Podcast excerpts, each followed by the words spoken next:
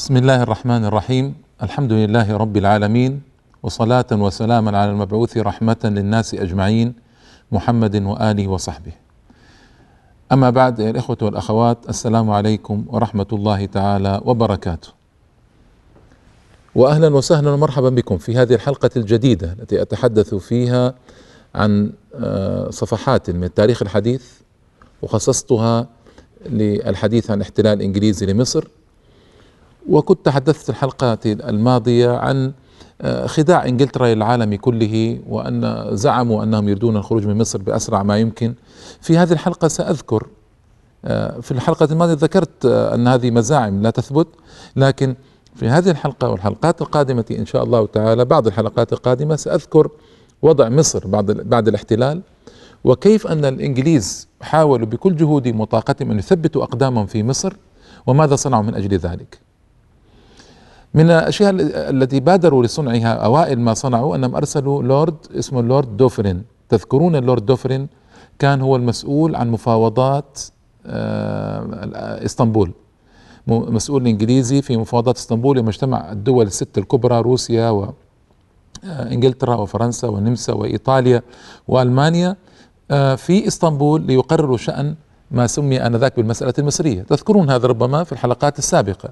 كان ممثل إنجلترا اللورد دوفرين وهو رجل مخضرم آه، ثعلب سياسي محنك كان سفيرا لإنجلترا في روسيا ثم سفيرا لإنجلترا في إسطنبول وكلا منصبين لا يشغلهما إلا رجل آه، يكون قطبا في السياسة ومحنكا إلى درجة بعيدة. اللورد دوفرين أرسلته إلى مصر ليكون مندوبا ساميا بريطانيا أول مندوب سامي بريطاني في مصر. وأرسلته بعد الاحتلال فقط ب 45 يوما. في نهاية أكتوبر سنة 1882 1299 هجرية. وللأسف الشديد أنه أستقبل استقبال الأبطال العظماء. فإن البارجة محمد علي في اسكندرية أطلقت المدافع احتفالا بقدومه قدم بطريق البحر طبعا أنا ذاك ما كان في طيارات ولا شيء فاحتفالا بقدومه. و استقبل استقبالا كبيرا جدا هو وزوجته وأعد قطار خاص لنقله إلى القاهرة واستقبل في القاهرة استقبالا عجيبا. ذو الفقار آه، رئيس تشريفات وشريف باشا رئيس الوزراء ورئيس البوليس آه، أو رئيس الجيش البريطاني آه، جنرال أليزون في مصر. وثلة كبيرة من رجال الإنجليز سواء كانوا سياسيين أو عسكريين وثلة كبيرة من المصريين سواء كانوا عسكريين أيضا أو سياسيين والأعيان والكبار كلهم هرعوا لاستقبال هذا الرجل. أعدت الحكومة الإنجليزية هذا الاستقبال الحافل باتفاق مع المصريين من أجل بيان عظمة هذا القادم ومن أجل أن آه تعنو له الجباه وترمقه الأعين باحترام كبير ومن أجل ينفذ ما يريد بعد ذلك. وفعلا هذا الذي جرى اللورد دوفرين جاء وفي جعبته مخطط لمصر. كيف يستطيع أن يجعل مصر تابعة لإنجلترا يستفيد من ثروات مصر ويسرق قدر استطاعته من مصر؟ كل هذا كان طبعا مخططا له بمجيء هذا المندوب السامي البريطاني. والكلام طويل في استقباله وكلام يدمي القلب أنا ما أريد أن أتحدث أكثر من ذلك. من ذهبوا به إلى قصر النزهة في شبرا حيث أعد لإقامته. وهذه أول آه، مرة يستقبل فيها غاز في العالم الإسلامي هذا الاستقبال الحافل العجيب المهم آه، تكلم الرجل أجرت معه أحاديث وتكلم. أفصح عما في قلبي عن المهمة التي جاء من أجلها. التقرير تكلم في تقريره أن مصر ليست بحاجة إلى جيش قوي ولا كبير العدد. هذا يعني اقترح أن يكون الجيش في حدود ستة آلاف. قال مصر محاطة بجهاتها الثلاث بصحاري ولا تحتاج أصلا إلى جيش. يعني إنما تحتاج إلى قوة تضبط أمنها فقط الداخلي. انظروا يريدون أن يضبطوا الأمن الداخلي حتى يخلو لهم الأمر في مصر وحتى يستطيعوا السيطرة على مقدراتها وثرواتها، أما الخارج فبريطانيا تتكفل بحماية مصر من الخارج ما يحتاج إلى جيش. هكذا النظرة. آه، ولا بد أن يتولى قيادته ضابط إنجليزي وسيأتي في الحلقة القادمة موضوع الجيش آه، وتحطيم الجيش المصري ويعاونه أيضا ضباط إنجليز. الضباط المصريون ليسوا موجودين في قيادة الجيش. وتكلم عن البوليس وطلب أيضا يكون على رأس البوليس والشرطة يعني قيادة إنجليزية محضة. المصريون لا وجود لهم ها هنا. انظروا إلى إنجلترا التي جاءت لأجل أن تخرج بعد قليل كما ذكرت ذكرت ذلك لكم في الحلقة السابقة كما زعموا يعني. وجرد اللورد ديفرين مصر من كل قوة عسكرية حربية تستطيع أن تقف وجه الاحتلال بعد ذلك. وكانت هي القاعدة المتبعة طوال مدة الاحتلال. إقصاء المصريين وإعلاء شأن الإنجليز في الجيش المصري.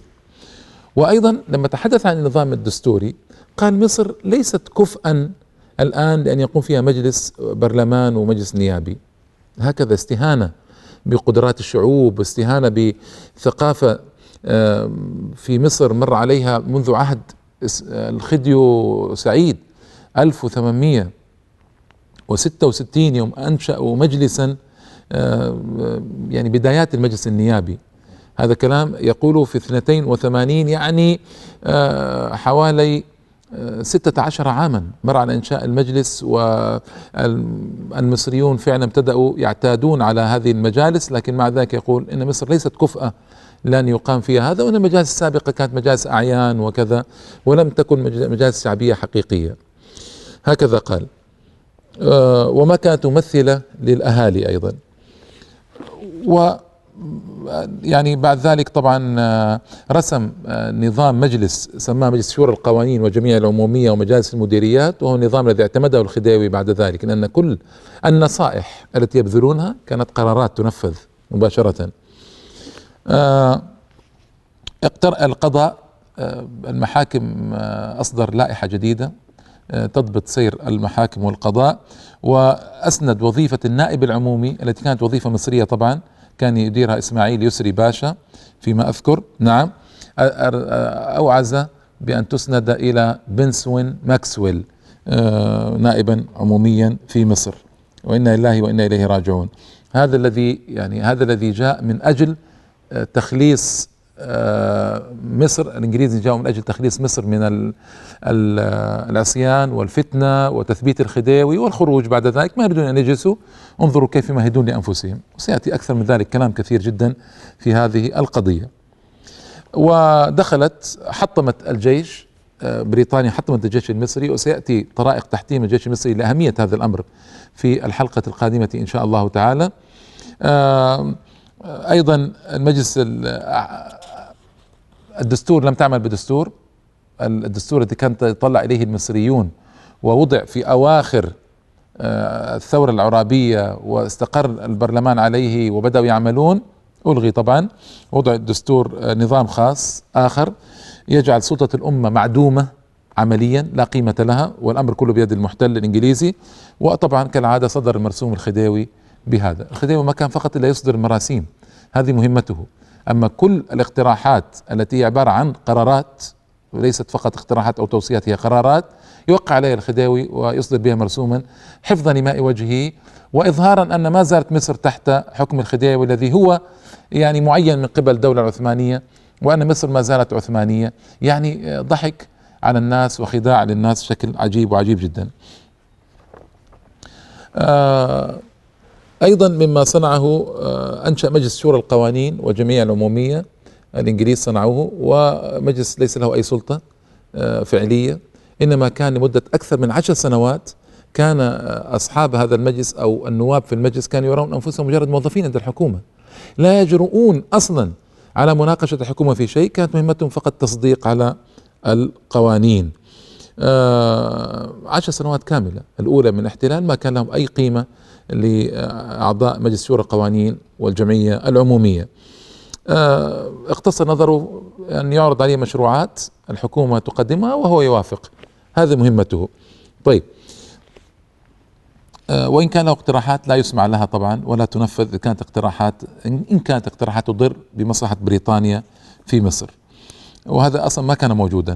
ما كان أحد يجرؤ أن يقدم اقتراحا يضر ببريطانيا في مصر. وساد الأمة هنا النقطة المهمة ساد الشعب المصري حالة عامة من الاستياء. والخنوع والاستسلام عشر سنوات.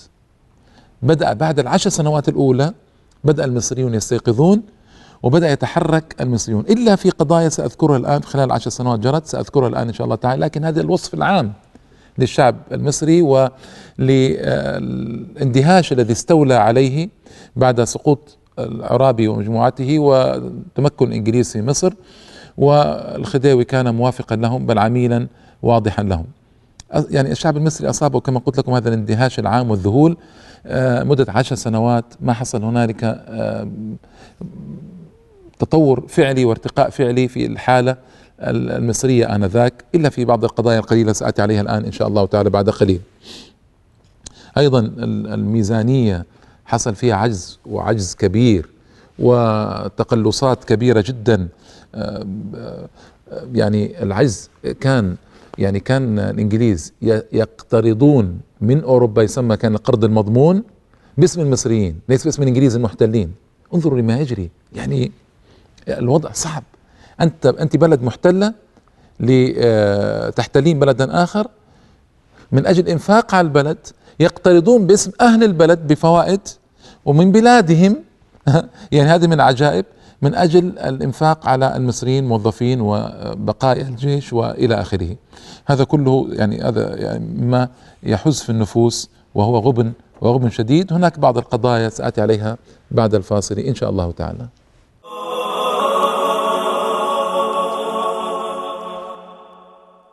السلام عليكم مرة أخرى بعد الفاصل يا إخوة الأخوات. آه، توالت الخداعات الإنجليزية المصريين وتوالت الخطوات التي تهدف إلى تثبيت حكم الإنجليز في مصر آه، تثبيتا نهائيا على من الخداع الذي كانوا يخدعون به العالم آنذاك أنهم يريدون الخروج من مصر. آه، وجدت وزارات وزارة نوبار باشا الأرمني النصراني آه، سقطت بعد ذلك جاءت وزارة رياض باشا في عهدها عين أول مستشار قضائي في وزارة الحقانية يعني وزارة العدل أول مستشار قضائي إنجليزي وأي شيء اسمه مستشار في أي وزارة يعني هو الوزير الفعلي والوزير لا قيمة له. فعين مستشار في وزارة التعليم ودنلب القسيس وسيأتي الحديث عنه. عين مستشار في الحقانية وهو إنجليزي أيضا. عين مستشار في معظم الوزارات المهمة. وهذا المستشار هو الحاكم الفعلي في الوزارة والوزير لا قيمة له أبدا. هذا الذي يقولون يخدعون العالم به أنهم يريدون من المصريين أن يحكموا أنفسهم بأنفسهم.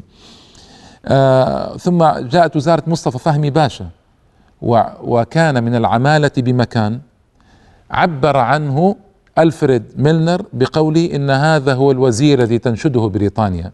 رئيس الوزراء مصطفى فهمي باشا هو الوزير الذي تنشده بريطانيا تريده لأنه ما كان ابدا يناقش الإنجليز في شيء بل كان انجليزيا أكثر من إنجليز ملكيا أكثر من ملك كما يقولون.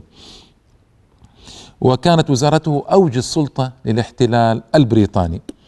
وبقي يتولى الوزارة إلى أن أقيل ثم عاد ثم أقيل ثم سقطت وزارته بعد ذلك في 1908 فوزارته نسبيا من أطول الوزارات في تاريخ مصر. وما سقطت إلا بعد اشتداد الحركة الوطنية وسآتي الكلام عليها إن شاء الله تعالى. آه، كما قلت لكم آه، الأمة في الحقيقة أو الشعب كان مذهولا ما بدر منه بوادر حياة إلا في استقالة شريف باشا يوم أجبر المصريون على إخلاء السودان. آه، يعني بعض القضايا الخفيفة أيضا سآتي عليها الآن. محمد ثابت باشا استقال أيضا كرئيس وزراء. احتجاجا على بعض الأمور لكن كانت العجلة تدور بدون أي آه، كلفه على الإنجليز بدون أي مضايقة حقيقية للإنجليز. وكبراء البلاد وموظفوها واعيانها اخذوا يتنكرون للحركة الوطنية للأسف الشديد ويوالون الاحتلال ويبغون الزلفى لديه. وعمل الاحتلال من ناحيه على توطيد هذه الحالة النفسية. فلا يرقى في الوظائف إلا من يعرف عنه الموالاه الإنجليز والبعد عن الميول الوطنية. وهبط مستوى الوطنية في النفوس وظهر الجبن والنفاق والتزلف للإنجليز والذل والرياء وعمة الأنانية والنفعية.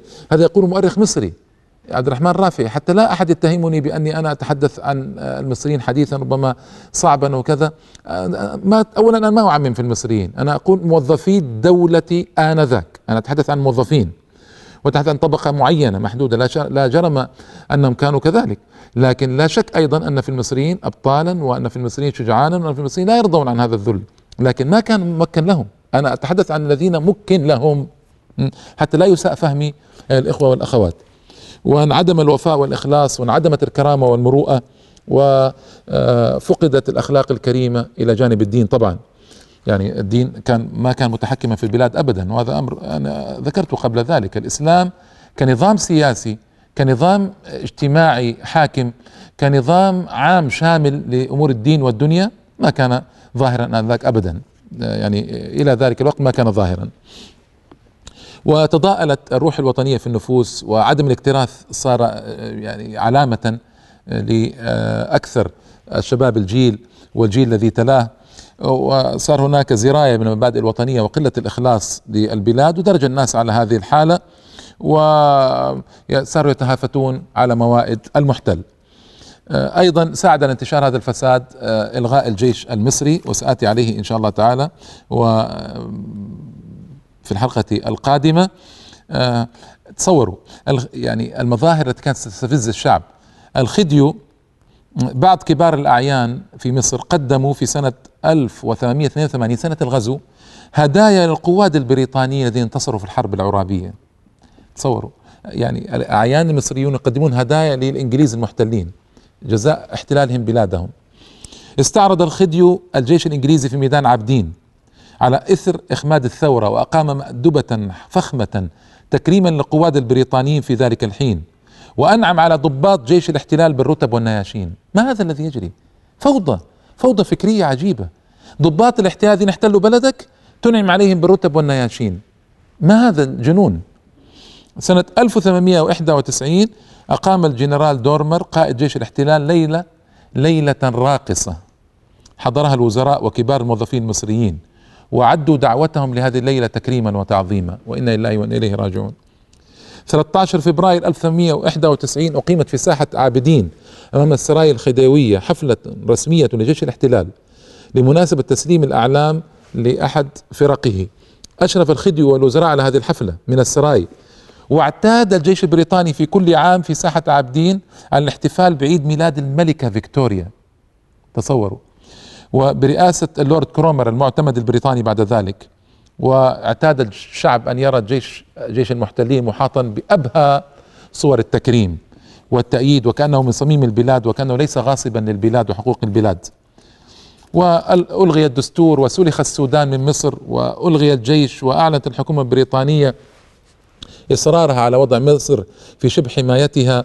وأيضا برقيات وصلت لرؤساء الوزراء المصريين ينصحون فيها باتباع سياسة الإنجليز ينصحون وإلا طبعا الإقصاء والإبعاد إذا ما اتبعت النصائح.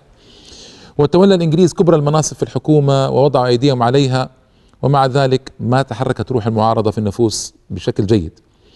آه، آه، كبراء مصر وخاصتها وموظفوها وأركان دولتها كانوا في حالة استسلام تام بعد آه، ذلك بعد الاحتلال وانهزام الثورة العرابية. لم يكن في أي مظهر مظاهر المقاومة أو الحياة لا دعوة للجهاد ولا اجتماعات سياسية ولا خطب ولا معارضات ابدا. آه الصحف موالية للاحتلال بشكل عجيب وبعض الصحف القليلة كانت تعارضه وتعطل وسآتي في حلقة خاصة عن قضية الصحف. آه الصحيفة الوحيدة كانت تهاجم الاحتلال هي العروة الوثقى في باريس ما كانت في مصر ثم عطلت بعد ذلك. آه يعني طبعا تألفت في أثناء العشر سنوات الأولى تألفت بعض الجمعيات السرية لمقاومة الاحتلال ومحاولة اغتيال توفيق وإزعاج المحتلين.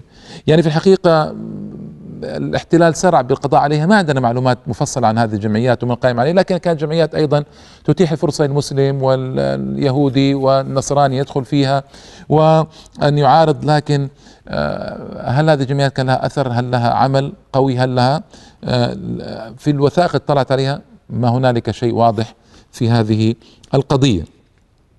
آه، أيضا كانوا يتكون على الدولة العثمانية، الدولة العثمانية كانت أضعف من أن يتكى عليها. وفرنسا وفرنسا كانت موالية لإنجلترا في الحقيقة ومهنئة لها وإن كانت تظهر المعارضة على علنا على الاحتلال الإنجليزي لمصر. هذا ما حدث في الحقيقة بعد آه، نهاية الثورة العرابية والاحتلال البريطاني مصر آه، في جمعية هناك جمعية اسمها المؤامرة الوطنية المصرية سمت نفسها هكذا. جاء في قانون الأساسي الذي ضبط من قبل المحتلين أن تقبل في عضويتها كل شخص مصري أو أجنبي مسلم أو مسيحي. ويعني آه، طبعا سحقت جمعية وأغلقت وأوقفت. جمعية ضعيفة أصلا وما ندري حتى من هو القائم عليها أنا ما أعرف من هو القائم عليها. لكن كان رجل هناك رجل هارب اسمه عبد الله النديم. هرب هرب ولم يحاكم في المحاكمات العرابية وعاد بعد ظهور عباس حلمي سآتي عليه عباس حلمي الثاني إن شاء الله تعالى ثم نفي إلى إسطنبول بعد ذلك. آه هذه يعني هذه كلها يعني بوادر خفيفة جدا على وجود شيء من الروح المعارضة للإحتلال الإنجليزي. هذه الجمعية أو المجموعة ثبت أن لها آه، مركزها في القاهرة ولها فروع في المنصورة والزقازيق وتطلع الواشون وتطوعوا إلى أن يخبروا المحتلين بأخبار هذه الجمعية السرية. اتخذ الإنجليز كافة الوسائل لتحطيمها. آه، بعض النفوس كان يسيطر عليها حالة من التذمر لكن كانت خارج البلاد مثل محمد عبده وجمال الدين الأفغاني في باريس. وسآتي على ذلك إن شاء الله تعالى. وبعض جماعات من شبان القاهرة سموا أنفسهم الوطنيين الأحرار وانحازوا لرياض باشا ورياض باشا يعني آه، ليس ذلك الذي يعتمد عليه ويؤمن منه شيء في الحقيقة آه، لأنه كان يريد الانتقام وإعدام زعماء الثورة العرابية بل استقال من وزارة شريف احتجاجا على أن عرابي وصحبه لم يعدموا.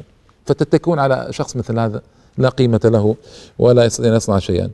آه اللورد كرومر كان يعتقد اعتقادا آه، راسخا المعتمد البريطاني في مصر أن الوطنية الحقيقية استمرت حية طوال مدة الاحتلال. هو يعتقد هذا. وإن كان صوتها خافتا إلى حد كبير. طبعا هو معتمد بريطاني له الكلمة الأولى في مصر ويعرف من قبض عليه من الجمعيات ومن الناس وكذا. لكن هذا كلامه. ويقول آه، بعض المؤرخين إن الاهتمام الذي أبداه الاحتلال نحو بعض النواحي المادية في مصر.